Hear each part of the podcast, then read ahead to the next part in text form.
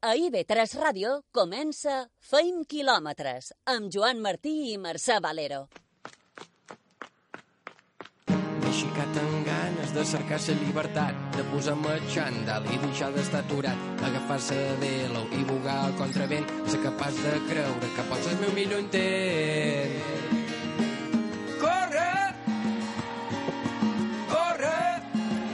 No es tracta només de guanyar, encara que sigui per un segon de diferència.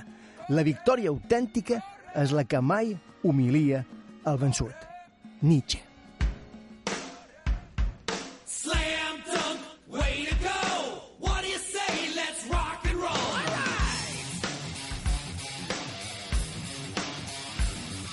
I autèntica és la victòria de qui reapareix després de dos mesos de lesió i guanya la medalla d'or al Campionat d'Espanya de contrarrellotge i la medalla de bronze de ciclisme en ruta. Parlam avui amb Mavi Garcia. Hola, soc la Mavi Garcia i també seguim fent quilòmetres en la calor de l'estiu. I per guanyar s'ha de saber competir, i d'això en sap Namavi i en saben els participants a la Ultra Mallorca Man. Avui parlarem amb Pep Lliteres, director d'una de les triatlons d'ultrafons de més distància de tot el món.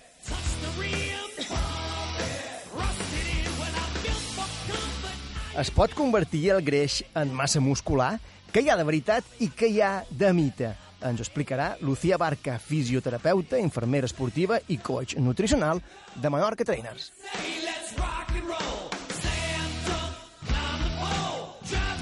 I us convidam a somiar. Carlos Sunyer avui ens parlarà dels somnis de pel·lícula en què el fet de córrer sempre esdevé protagonista. Hey,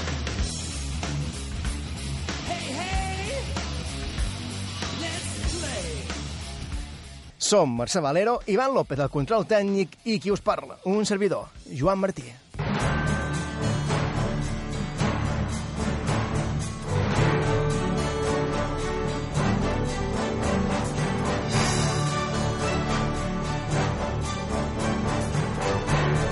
Juan Pedro Carbonell, reina Sud-àfrica. Va ser el guanyador de la prova anomenada The Big Five Marathon, que recorre cinc grans reserves sud-africanes. És a dir, que això suposa córrer entre elefants, rinocerons, búfals, lleons i lleopards. El mallorquí va tardar 3 hores i gairebé 36 minuts a fer els 42 quilòmetres amb uns desnivells considerables entre 1.160 metres i 1.700. Diego Martínez i Asma Zamú guanyen la cursa popular cerverina. La prova dels 10 quilòmetres. Victòria de Martínez amb un temps de 35 minuts 4 segons i Zamú amb 41 minuts 10 segons. I els 5 quilòmetres els guanyadors van ser Jaume Mas i Marga Fullana. Disputat el cinquè triatló contra rellotge per equips de sa Pobla. Amb victòria per a un dels equips mixtes, el format per Tomeu Villalba, Francisc Catous, Víctor Garcia i Pep Fernández. Van ser els més ràpids a fer els 400 metres de natació, 20 quilòmetres de bicicleta i 5 quilòmetres de cursa a peu. A Muro, victòria de Benyacat i Ferragut. El marroquí Mohamed Ben Yakat i Marina Ferragut van ser els més ràpids en la 27a edició d'una prova molt explosiva, la milla urbana Villa de Muro. També ha estat aquest cap de setmana el cap de setmana del Brutaló d'Andratx. Una prova que, com sempre, va esgotar inscripcions ja fa dies. Va ser tota una festa. Sempre. La verdad que, que correr mola.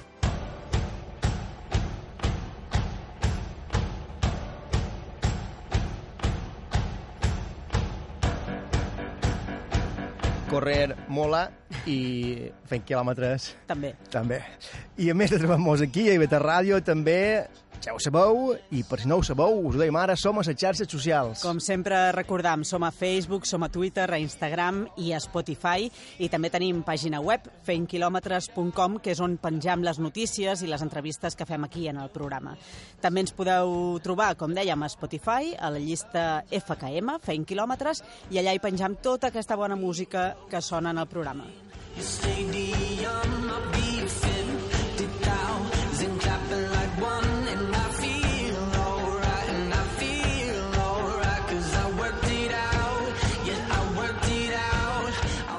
I a la ràdio ens podeu escoltar els dilluns a les 6 o els dissabtes a les 7 des de matí. Sí, com sempre diem també, si dilluns no ens podeu escoltar, si no us va bé tampoc per podcast, dissabte al matí també és una bona opció si anau, per exemple, cap a alguna cursa o si esteu escoltant la ràdio, simplement.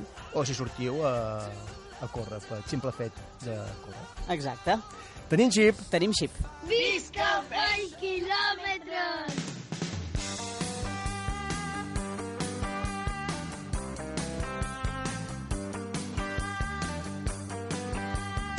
El xip de la setmana.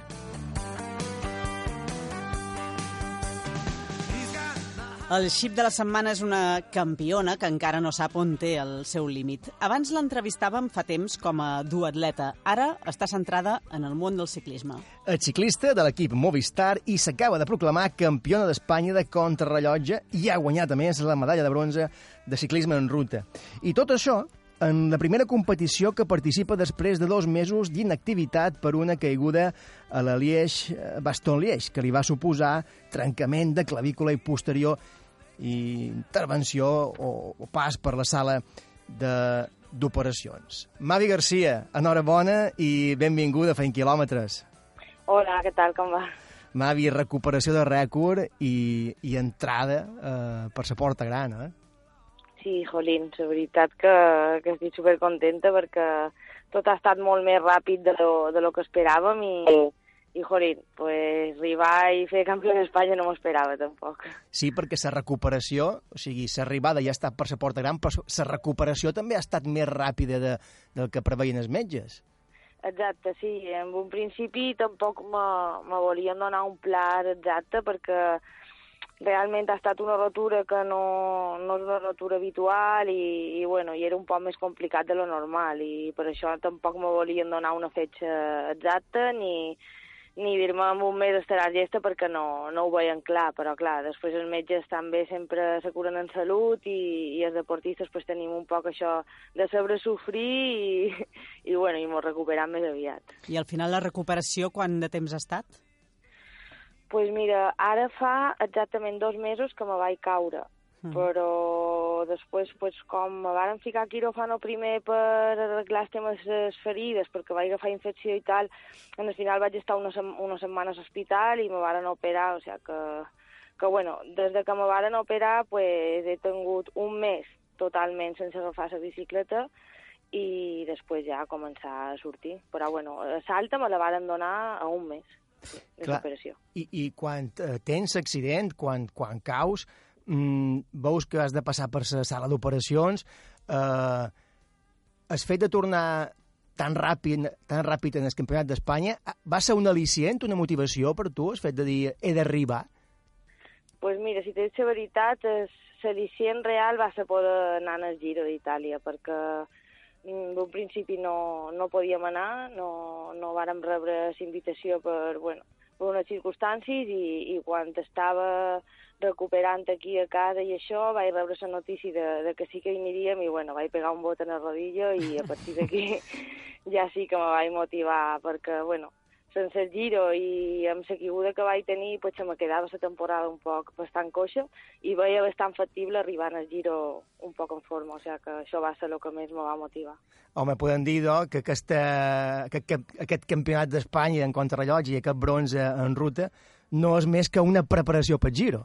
Exactament, ha estat una conseqüència de l'altra, però bueno, que sempre ho vols bé i encantada d'estar de, allà i, i de poder competir a un bon nivell, però realment sí, realment el que jo tenia en mente i després vaig decidir, després d'aquesta notícia vaig decidir anar a fer una concentració a Serra Nevada també per posar-me ja en forma, per centrar-me bé i, i entrenar bé i així ho he fet. El que hauria estat notícia, Mavi, és que no fóssiu una Giro, perquè de les cinc primeres classificades en, en contrarrellotge sou totes del mateix equip, de Movistar.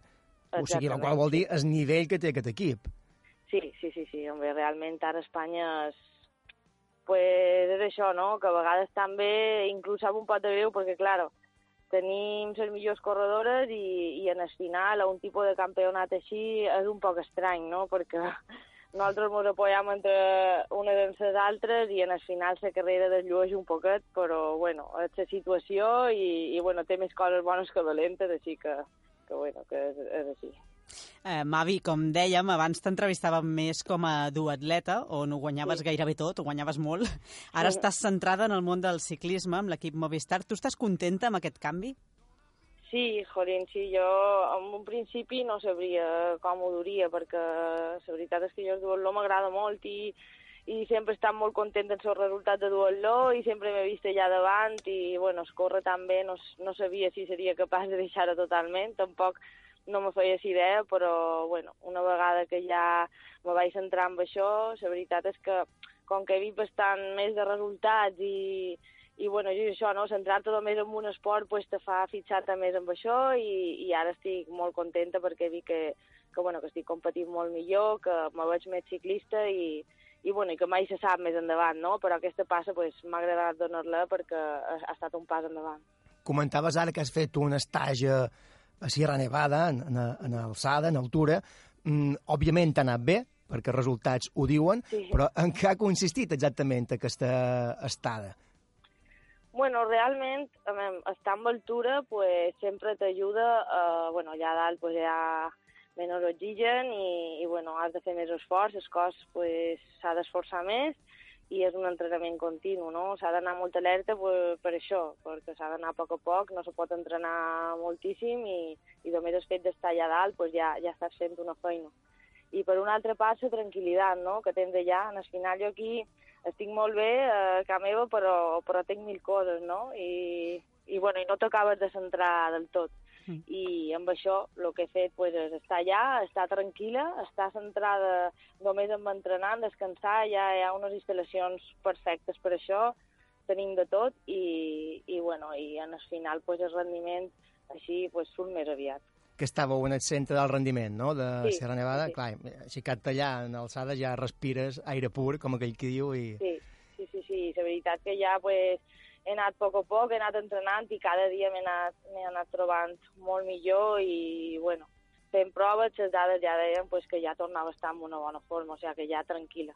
I ara sí, ve el Giro, dia 6 de juliol, la setmana que ve. Eh, hi ha alguna passa enmig o, si, o ja te quedes a, quedes a Palma per partir cap allà o, o, o tens No, alguna no. cosa abans? No, no, que d'aquí i dia, crec que dia 3 partirem cap allà, cap a Itàlia, i bueno, farem 10 dies de giro i després tenim, bueno, només tenim un dia enmig, que és el dia que se fa la carrera que se fa quan els homes estan fent el Tour de França, que és la curs, o sigui que se farà llarguet i perquè és una carrera molt dura i tenim només un dia enmig i és un dia de viatge, o sigui que, que bueno, ara és, és el que m'espera.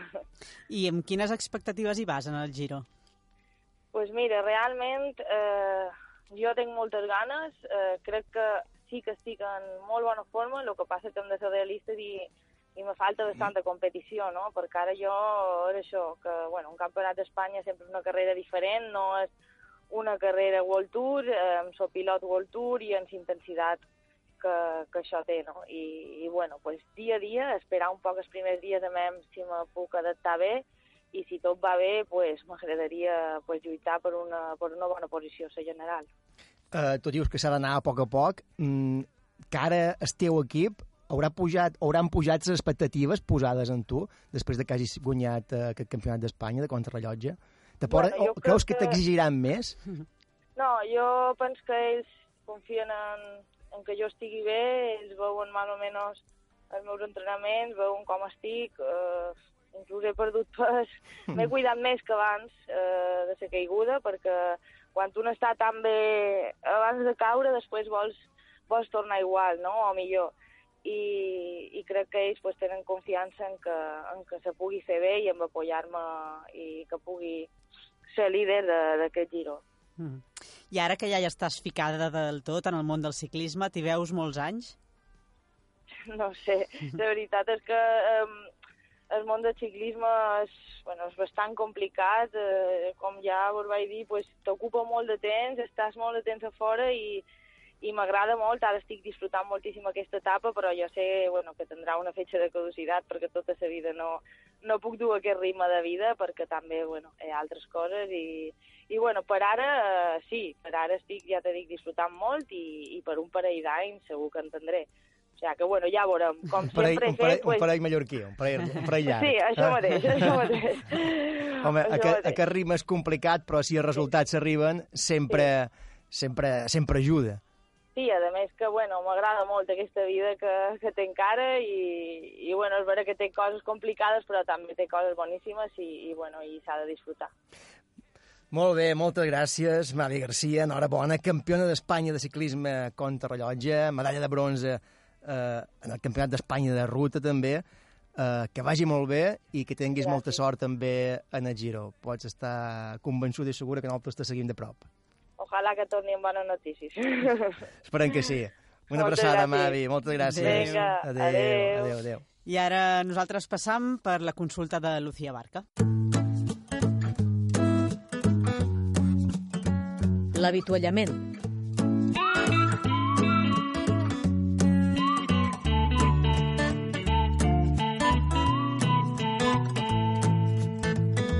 Obrim consulta, tenim ja Lucía Barca, fisioterapeuta, infermera esportiva i coach nutricional de Menorca Trainers. Benvinguda, Lucía. Fent quilòmetres. Hola, hola, ¿cómo estáis? Molt bé, i tu? Muy bien. Has también. descansat el cap de setmana? Sí, sí, sí. Uh, la setmana passada ens avançaves que avui ens ratllaries de com mm, convertir el greix en, en massa muscular i si això és possible, no? Mhm, Uh, es pot sí. convertir el greix en massa muscular? Que hi ha de veritat? Que, que, que, hi, ha, que hi ha de mite? ¿Vosotros qué pensáis? ¿Se puede convertir o no? ¿Qué pensáis? Mm. És un mite, crec. Jo crec que és un mite. ¿No? Es un mito, es un mito. Vamos a desvelarlo. El músculo y la grasa tenemos que saber que son dos tejidos y estructuras completamente diferentes en características y en funciones. El tejido graso, la grasa, forma entre un 15 y un 30% del peso corporal, dependiendo de variables como el género, el nivel de actividad física que hagamos. Es un tejido protector para los órganos, nos sirve, por ejemplo, de aislante térmico. Es una de las principales fuentes de energía para nuestro organismo, muy importante para la movilización de vitaminas liposolubles, formación de tejidos. Y si bien es indispensable para que nuestro cuerpo funcione bien, si tenemos un exceso puede ser un riesgo de enfermedades cardiovasculares, metabólicas y demás. Eso por la parte de la grasa. Luego, por la parte del músculo, el del que vamos a hablar es el músculo eh, esquelético, el de contracción voluntaria, está formado por proteínas y agua. Y su principal eh, capacidad de, es la contracción y, relaja- y relajación, que hace que nos podamos mover, ¿no? Hacen de un elemento activo el aparato locomotor, permitiendo así sus movimientos a través de las articulaciones, nos permite mantener la postura y forma alrededor del 40 y 45% del peso corporal. Como veis, nada tienen que ver uno como el otro. Cuando queremos perder, cuando hacemos más actividad y perdemos grasa, simplemente consumimos más y bajamos los niveles. Y si hacemos más actividad, pues creamos más músculo. Pero, desmontando el falso mito, la grasa no se convierte en músculo. Clar, perquè d'aquest- per aquesta regla de 3, per el fet de primer-te sense fer exercici, voldria dir ja que te pots convertir el greix en, en massa muscular. Claro, claro. Solo con Claro, eso disminuir nuestra ingesta sería estupendo, pero no, no es así. Eh, Escolta, qui- quins consells donaries a l'audiència de fent quilòmetres per obtenir resultats satisfactoris en aquest sentit? Pues mira, para, para ganar masa muscular y perder grasa, como dos cosas diferentes, lo primero yo recomendaría ser específicos en nuestras metas y cuidar la alimentación, lo que, de- lo que decimos siempre. Primero perder grasa y luego trabajar para ganar masa muscular. Comer sano, una dieta mediterránea, variada y sobre todo disfrutar de lo que comemos. Minimizar lo que siempre decimos, azúcares y productos procesados. Inclinarnos más hacia productos frescos y de proximidad. Esto con respecto a la alimentación y, y las metas. Luego recomendaría actividad, entrenar y entrenar duro. Ponernos en serio, concentrándonos, eliminando el estrés, las preocupaciones y centrar toda nuestra energía en los entrenamientos. Correr, caminar, nadar, gimnasio, lo que queramos. Aparte nos ayudará a mantener nuestro equilibrio mental y a liberar la tensión, que aparte mm, es, muy importante a nivel, a nivel psíquico también. Y luego, si queremos ah, generar masa muscular, tenemos que entrenar pesado, utilizar cargas. mm, por ejemplo, levantar pesos, un máximo de 10 repeticiones e ir aumentando progresi- progresivamente. No estancarnos ni quedarnos en, en esa época que nos resulte cómodo eh, trabajar con, con el mismo peso. Aparte, la masa muscular tenemos que pensar lo que siempre os digo, que es un seguro de vida y mantiene todas las estructuras en, en- en su sitio. Ah, luego, con respecto a la intensidad y al volumen, pues debemos realizar, por ejemplo, de tres a cuatro ejercicios por grupo muscular que provocaremos una sobreestimulación y nos ayudará a crecer y a hacer nuevas fibras y luego ir cambiando. Y luego, en cuanto a los ejercicios, recomendaría los compuestos. Eh, cuando entrenamos podemos optar por dos maneras de trabajar, ¿no? Ejercicios simples, utilizando, por ejemplo, un solo grupo muscular, o compuestos utilizando varios grupos musculares. Por ejemplo, si queremos ah, hacer una máquina de, de extensión de cadera, sería un ejercicio simple, donde solo utilizamos un ejercicio, un, un- un músculo. Y si hacemos, por ejemplo, una sentadilla, es un ejercicio compuesto, que es más funcional y en el que mm, pues hacemos trabajar muchos grupos musculares y es más beneficioso. Por ejemplo, luego si queremos correr seremos mucho más eficientes que no trabajando con una máquina que trabajemos nada más un grupo. Entonces, mm, mejor esto. Y luego la clave, descansar y dormir bien. Los músculos crecen durante el descanso, dormir nuestras 7-8 horas, sueño profundo y descansar bien. Ah, sí. Co- Com has dit? Que els músculs creixen durant el descans. Sí, siempre que hagamos eh, actividad previa. Clar, si no- clar, clar, clar, clar, clar. Sí. O sigui, després, quan, cuando- quan, quan estan en repòs és quan eh, augmenten, no? Cuando se regenera la musculatura, cuando crece, sí, cuando le damos descanso. Es muy importante. Mm -hmm. Molt bé, entrenament exigent, eh? entrenament amb pes, intensitat i volum, exercicis compostos i de, per grups de, de, de, de, de músculs, no? I eh, repòs i, i descans, sobretot. Eso es. Molt bé, I, i la setmana que ve de que, de que crec que ha anat molt bé avui aquest, aquest, aquests 5 o 6 consells per, per la nostra, la nostra gent de fent quilòmetres. Per la setmana que ve de que.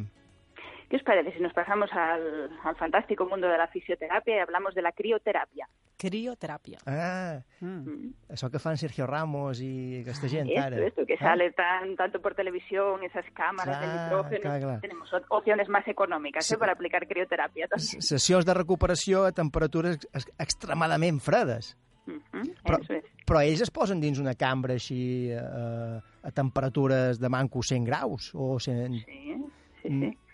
Hi ha altres maneres de fer crioteràpia? Dins una Sí, gelera. Ah, sí, sí. i la sin gastar la setmana- miles de la- euros. Sí, tenemos una opción para hacerlo en casa mucho más Ah, sí? Ja. La setmana que ve m'ho expliques. Per, Claro fer, per que fer a sí. casa. Hacer en casa, claro ah, molt que bé, sí. molt bé, perfecte. Sense posar-te dins la nevera. Eh? Lucía Barca, fisioterapeuta, infermera esportiva i coach nutricional de Menorca Trainers. Moltes gràcies per aquests consells i la setmana que ve parlam de crioteràpia. Molt bé. Una abraçada. Adéu, una abraçada. Adéu. Adéu. Va, fem una aturada i tornem tot d'una. Zona d'avituallament. Tot d'una continua, feim quilòmetres.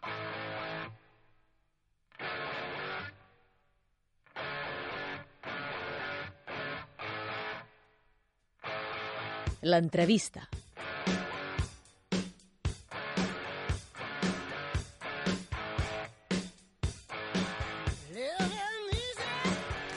El proper mes de novembre, els dies 1, 2 i 3, es disputarà a Mallorca una de les proves d'ultradistància més dures del món.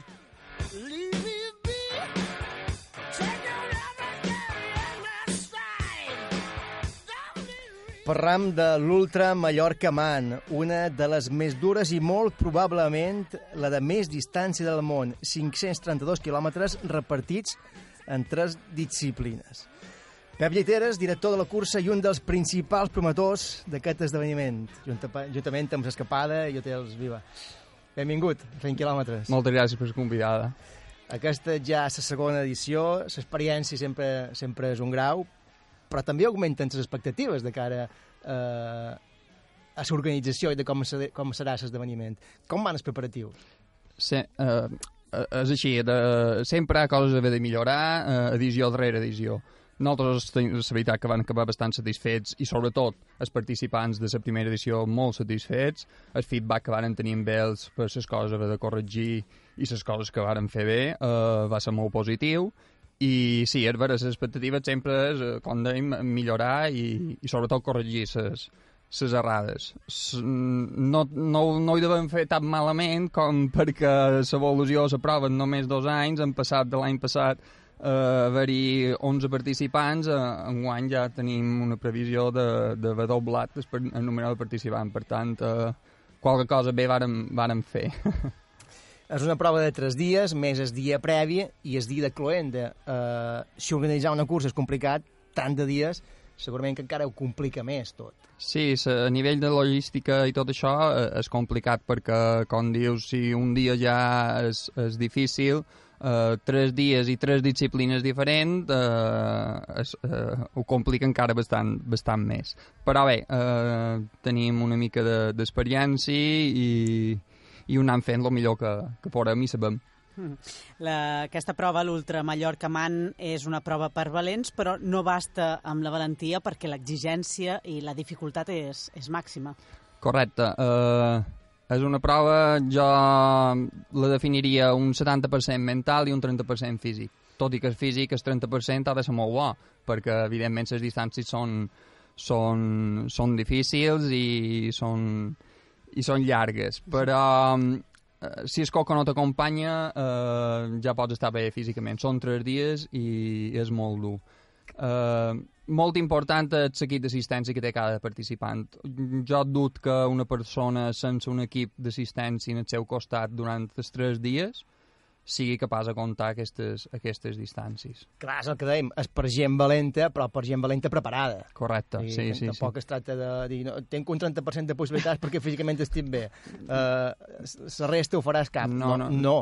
No, no, no, és així, perquè, de fet, nosaltres en els requisits que demanem per poder participar a la prova, eh, demanem un mínim de requisits, perquè mm, considerem que no tothom, eh, el manco has d'haver passat per una prova de, de llarga distància per conèixer-te sobretot a tu mateix, perquè no pots passar d'una prova eh, d'una distància olímpica o mitja distància i fer un bot ja a una ultradistància en tres dies, cosa que molta de gent, tot i que hagi tocat la llarga distància, no ha tocat el format per etapes, eh, és a dir, els, tres dies, i demanem un mínim de requisits perquè l'exigència de la prova ho requereix. Mireu si és per gent preparada que el primer dia han de nedar a mar obert 10 quilòmetres. Just sortir, eh, i els 10 quilòmetres els han de nedar d'una tirada o es poden aturar? No, eh, nosaltres el que feim és fer un recorregut de dos quilòmetres i hi fan cinc voltes perquè puguin tenir assistència durant, durant, durant els 10 quilòmetres. I durant aquests dos quilòmetres i mig eh, es poden sortir de l'aigua o... Sí, poden sortir de Saigo i poden rebre assistència dels seus acompanyants. Acabats aquests 10 quilòmetres, just sortir de la mà, s'han de posar les sabates de ciclisme per recórrer 126 quilòmetres. Correcte. Això és el primer dia, tot. El primer dia. Nedar i 126 de ciclisme. Correcte. Uh, el segon dia ens espera una altra etapa de, de tres- 312 quilòmetres, uh, també en bicicleta, per tant, en total ja sumen 438, i el tercer i darrer dia han de córrer la doble marató, Correcte. no? que Sí. serien 84 quilòmetres, gairebé. Nosaltres, sobretot, el, el primer dia i el segon dia, el que és la bici, el que cercam en els participants, sobretot els que no són, lògicament, de Silla, és que coneguin, coneguin Silla durant els tres dies, també, aprofitant per això. I clar, i el primer dia, després de 10 quilòmetres de natació, que els hem fet 126 o 127 quilòmetres de bici, els feim un recorregut que va per, per l'interior de Silla, és a dir, anam fins en el Puig de Cura, i tornen per, carre per, car per carreteres paral·leles i així coneixen l'interior de l'illa. Perquè després el segon dia eh, han recuperat el recorregut antic de la Mallorca 312 que és es, com va néixer aquesta prova i fan el recorregut original de la Mallorca 312 que se, volta en el perímetre de l'illa És un poc un homenatge jo, també en aquella primera edició. Bueno, sí, sí,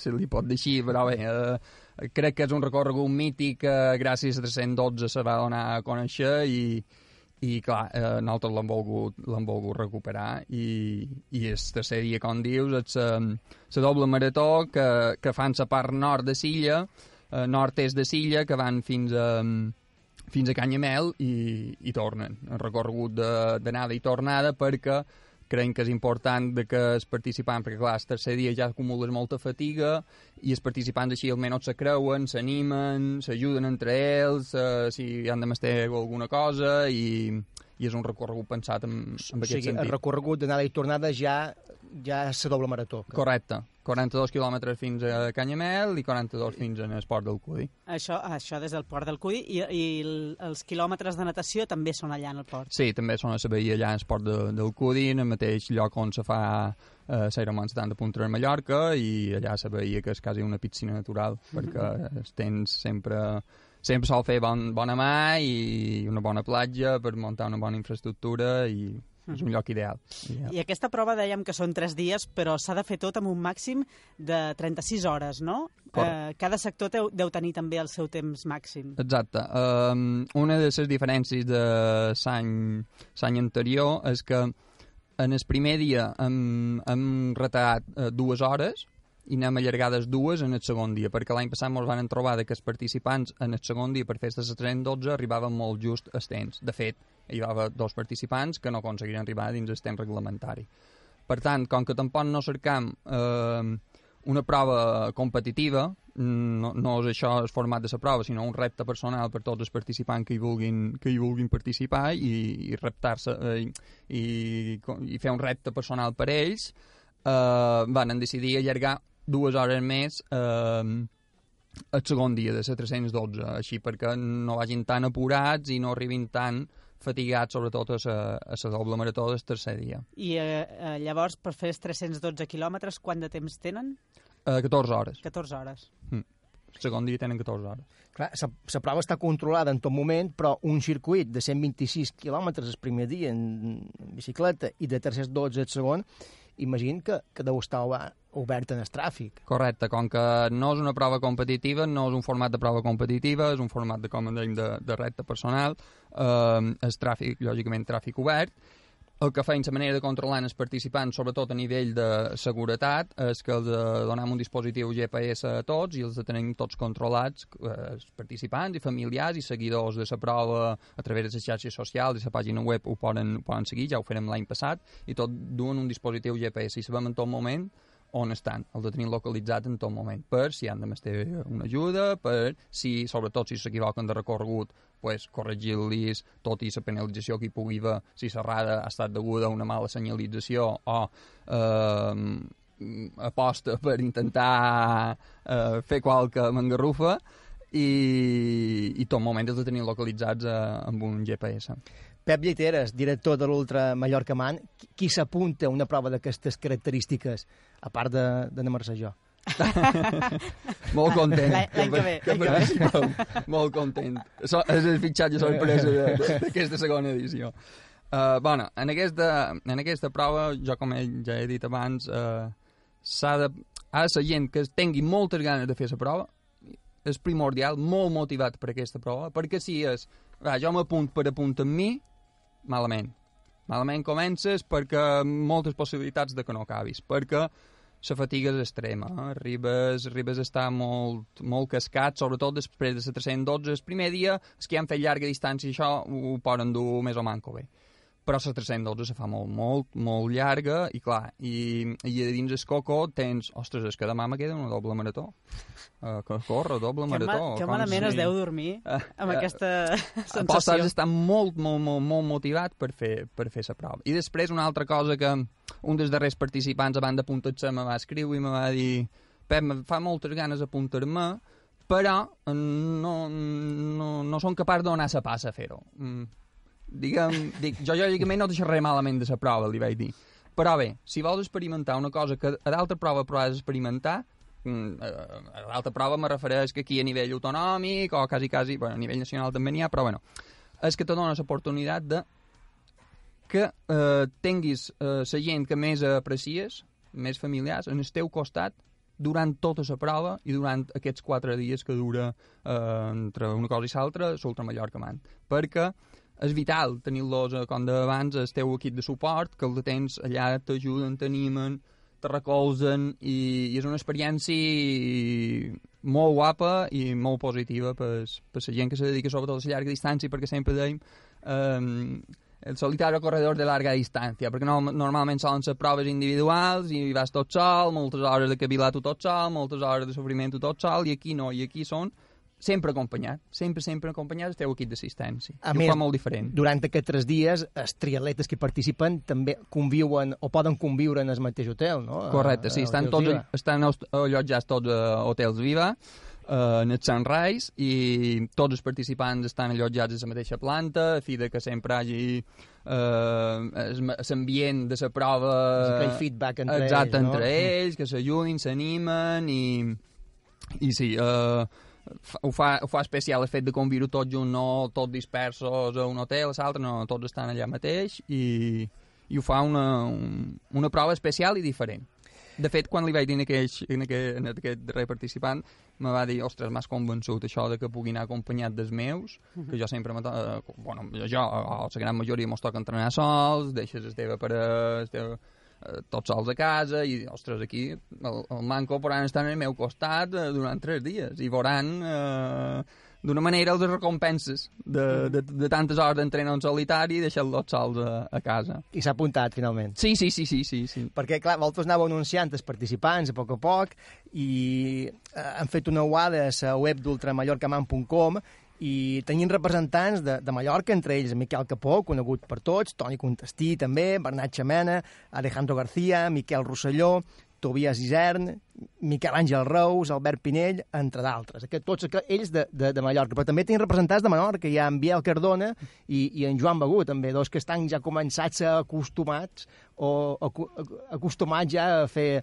a fer llargues distàncies, però també hi ha triatletes que venen de l'Argentina, d'Alemanya, de Rússia, i, o de més a prop, de Catalunya i de, i de Canàries, també. O Sí, est estem molt contents per, Skyrim Internacional que ha agafat la prova en tan poc temps.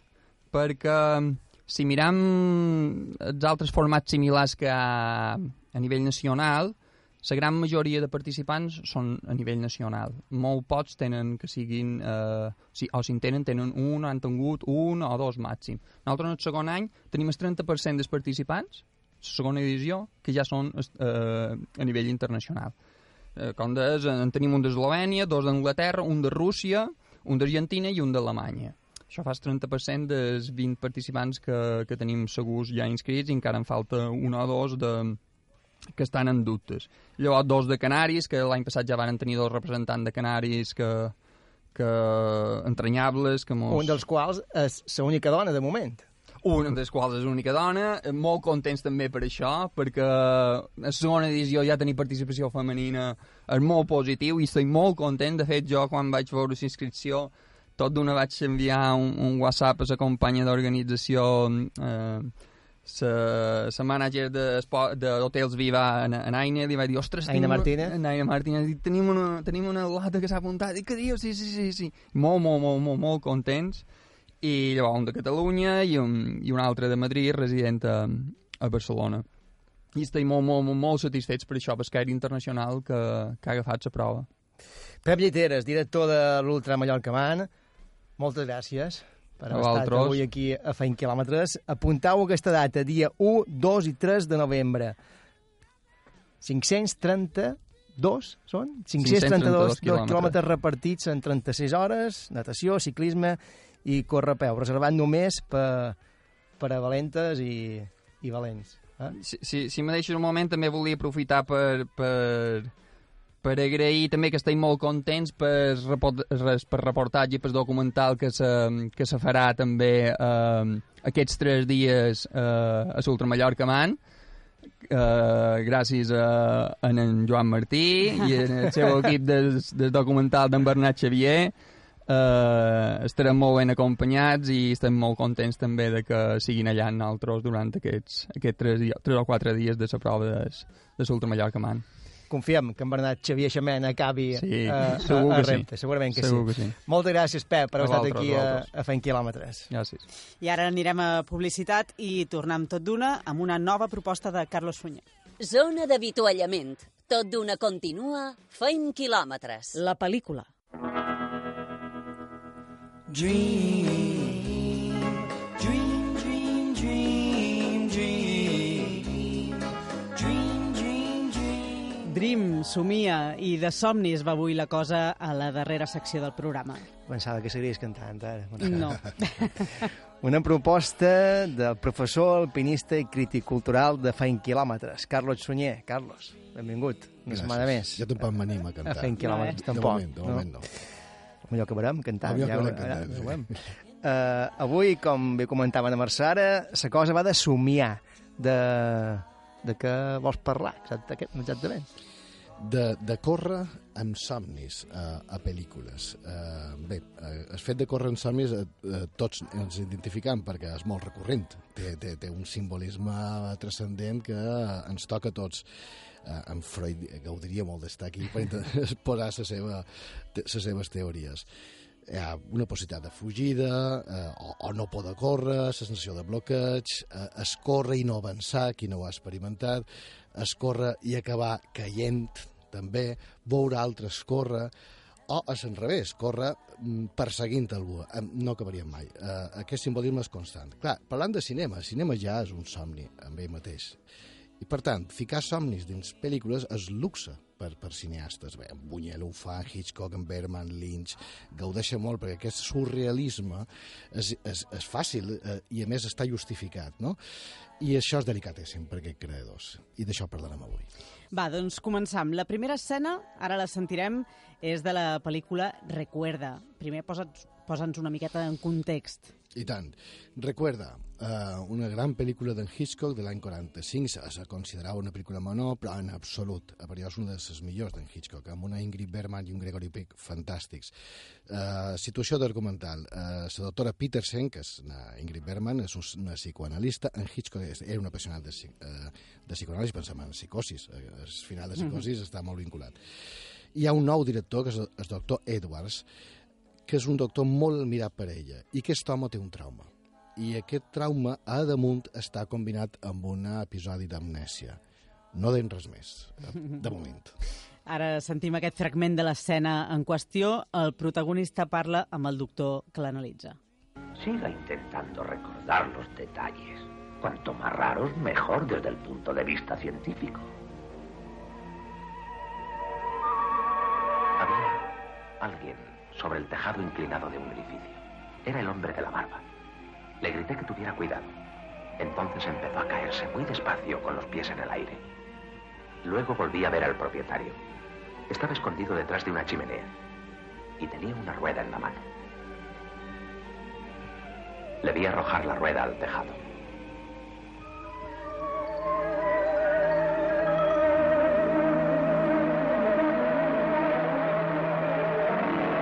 No sé por qué yo corría. Algo daba golpes sobre mi cabeza, un gran par de alas, que me persiguieron y casi me alcanzaron cuando llegué a la falda de la montaña. Supongo que escapé, ya no me acuerdo.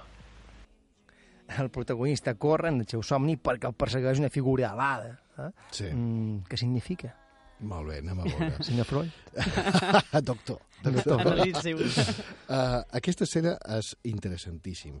Primer han de- han d'aturar-se les màquines perquè aquí intervé en Dalí.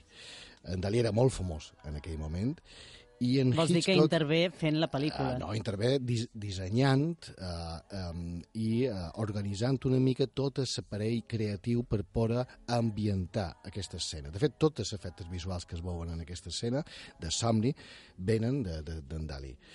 En Hitchcock ho tenia molt clar que havia de ser ell. Uh, I ell va fer feina amb en Ben Hedge, que és, el, que és el guionista, i a la vegada novel·lista. Però hi havia un problema, i és que el productor, que és en Selznick, que és el, el verdader poderós, no li agradava gens en Dalí. I en Dalí no li agradava gens en Selznick. Uh, conclusió, aquesta escena, uh, quan es va acabar, durava 20 minuts. Jo crec que ho va fer per, per fotre, és a dir, la, va allargar tot, tot el que va poder. I també per fotre, en Selznick la va reduir, reduir fins quedar a dos minuts. Per tant, ningú va quedar content, però és, és una joia cinematogràfica, Barberó. I com me demanes, efectivament, aquesta figura d'Ada, i sobretot aquest, aquest personatge que corre, Um, és, és, una, és una fugida molt evident, és una negació d'aquest episodi traumàtic de la infantesa que no contaré. I aquesta figura alada és molt clau, perquè és, tot l'argument gira entorn en aquest, que eh, simplement és el trauma. Si només fos el trauma, no seria tan bona la pel·lícula, però és que damunt, després, aquest trauma està vinculat a una trama criminal, i això fa que encara la pel·lícula sigui més interessant. Ara anirem ja, canviem de pel·lícula, anem amb la segona escena, és de la pel·lícula El Gran Lebowski. Sentireu una música i heu d'escoltar sobretot el so que se sent entremig, a veure si sabeu què estem sentint.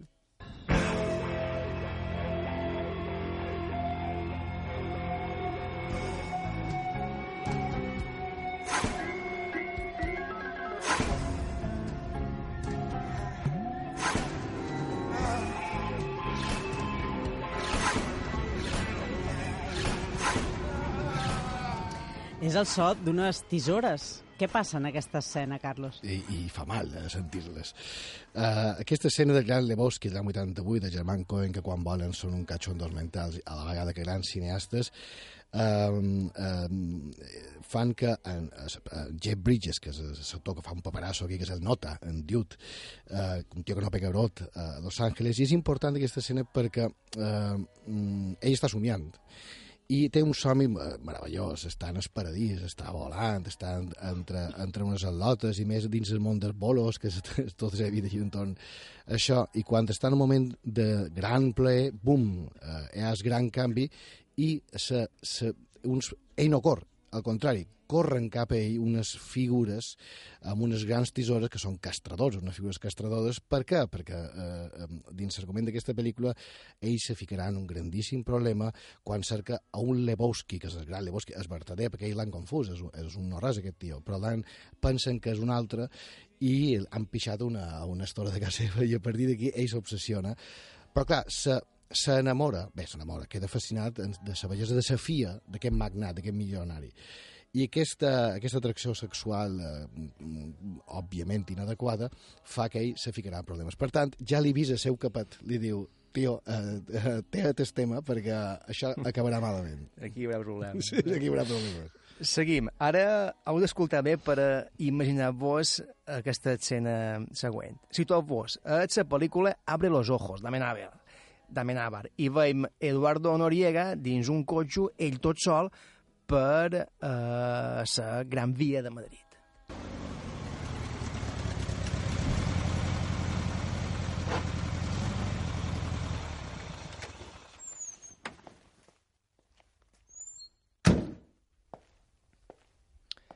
Tanca la porta del cotxe, fa unes passes caminant, la Gran Via està completament deserta i es posa a córrer.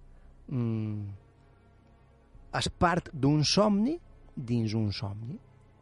Que està beníssim, això. De fet, aquí a Menavar, eh, òbviament, va superar eh, a tesis i, i quina escena per començar una pel·lícula. Com no ens ha d'interessar la pel·lícula començant d'aquesta manera? De fet, des, després està clarament copiada 28 dies després, fent el mateix a, a Londres. La eh, idea de, de, de localitzar un joc tan, tan massiu com la Gran Via i on no ha ningú i el fet que ell camina, surt del cotxe, per surt del cotxe? I després per què es posa a córrer? Aquí, clar, cor eh, per intentar abarcar el que és incomprensible, per poder entendre que seria una reacció que segur se produiria si estem dormint. Eh? Si és la vida real, segurament ens quedaríem dins el cotxe o estaríem encara més temps pensant què dimoni està passant aquí.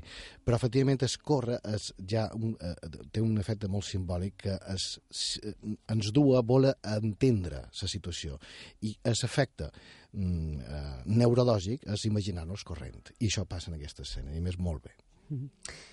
I, eh, Carlos, sempre t'agrada fer-nos patir una mica. Anem amb el darrer fragment parlant de la pel·lícula El exorcista.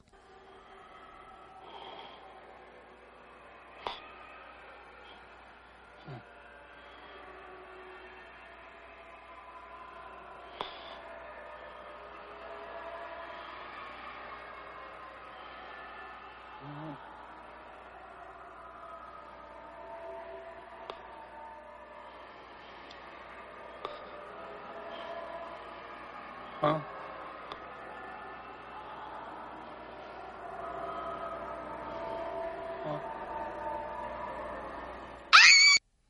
I, I així ho tenim.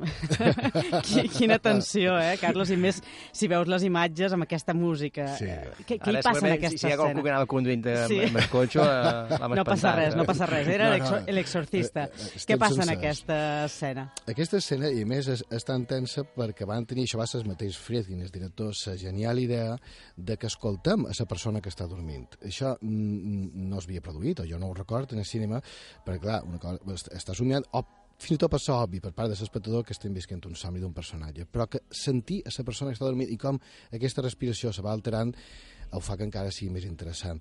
Eh, això és el, el pobre padre, padre Carras, pare Carras, que, que, eh, que ja sabem, o que tot, quasi tothom sap com acaba eh, la pel·lícula, però aquí ell té el problema de la mort recent de la seva mare i se sent molt culpable, perquè no va poder atendre com tocava, perquè quan va morir ell, ell no era, etc. I veu sa mare que surt d'una- de la boca de, de, de metro i té l'instint de córrer cap a ella, d'anar cap a ella, perquè, clar, se sent, eh, té un gran sentiment de culpabilitat. Córrer és una manifestació d'honestitat, somiant o, o no, perquè deixam lliures ànim, és, el que fan els nins, és a dir, els nins sempre estan corrent, i, i els nins és molt fàcil que entenguem que senten. I ara que hi ha un vincle directe. Una persona quan corre eh, perd la compostura, i quan la compostura és honest. No? eh? Ja t'has llevat la màscara. I clar, somiant correm molt més que quan no estem dormits. I crec que hauríem de fer-ho al revés, no? I aquesta escena està molt bé, perquè es, eh, pots experimentar que sentes personatge en aquell moment, i això ens pot també fer recordar situacions semblants que hem viscut nosaltres, i que per això les somiem quan pensam que ja les hem superades. In my arms when I want you, and all your charms whenever D'això hem parlat de somnis avui, corrent entre somnis, no? Tots han corregut a, a, en somnis. Tu, segurament... Ja, sí, sí no? ja, no, tu... no, no fa molt. Jo crec que ahir nit mateix. Mercè, tu has... I tant, sí. sí I, I intentar que corres i no pots. Això. Això, molt, I molt, fu, molt. Sí, sí, i tant. I que no arribes. I que no arribes. I que no arribes, Sí. sí. també. Uh, escenes de pel·lícules en què el protagonista somia que corre. Proposta ben curiosa d'en Carlos Sunyer avui també. Moltes gràcies, Carlos, per haver estat aquí una setmana més 20 quilòmetres i t'esperam la setmana que ve amb una altra proposta. Moltes gràcies a vosaltres, Joan i Mercè. Tan interessant com aquesta. Això esperam. Adéu. Adéu.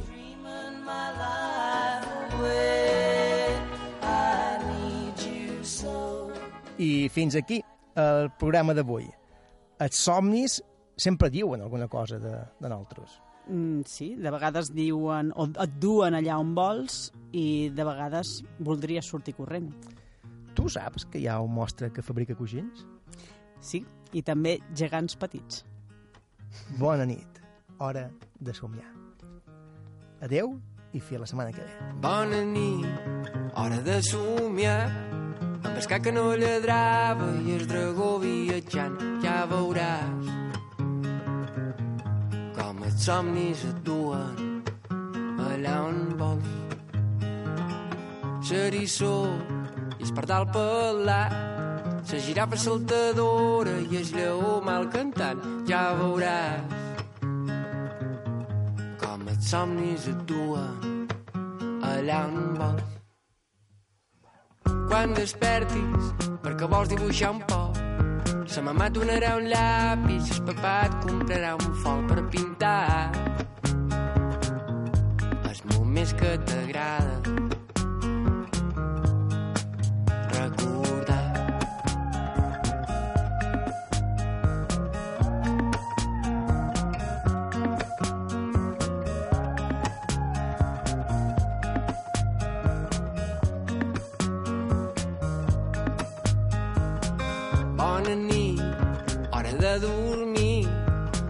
menjant el mostre que fabrica coixins. Ja veuràs com els somnis et duen allà on vols. Sabre tot i la flor invisible, la granota que riu i d'un capell fet de llibres. Ja veuràs com els somnis et quan despertis, perquè vols contar-ho tot. Sa mama escoltarà atenta i el papà dirà tens sort de sa part dels moments que t'agrada. Ah, ah. Recordar.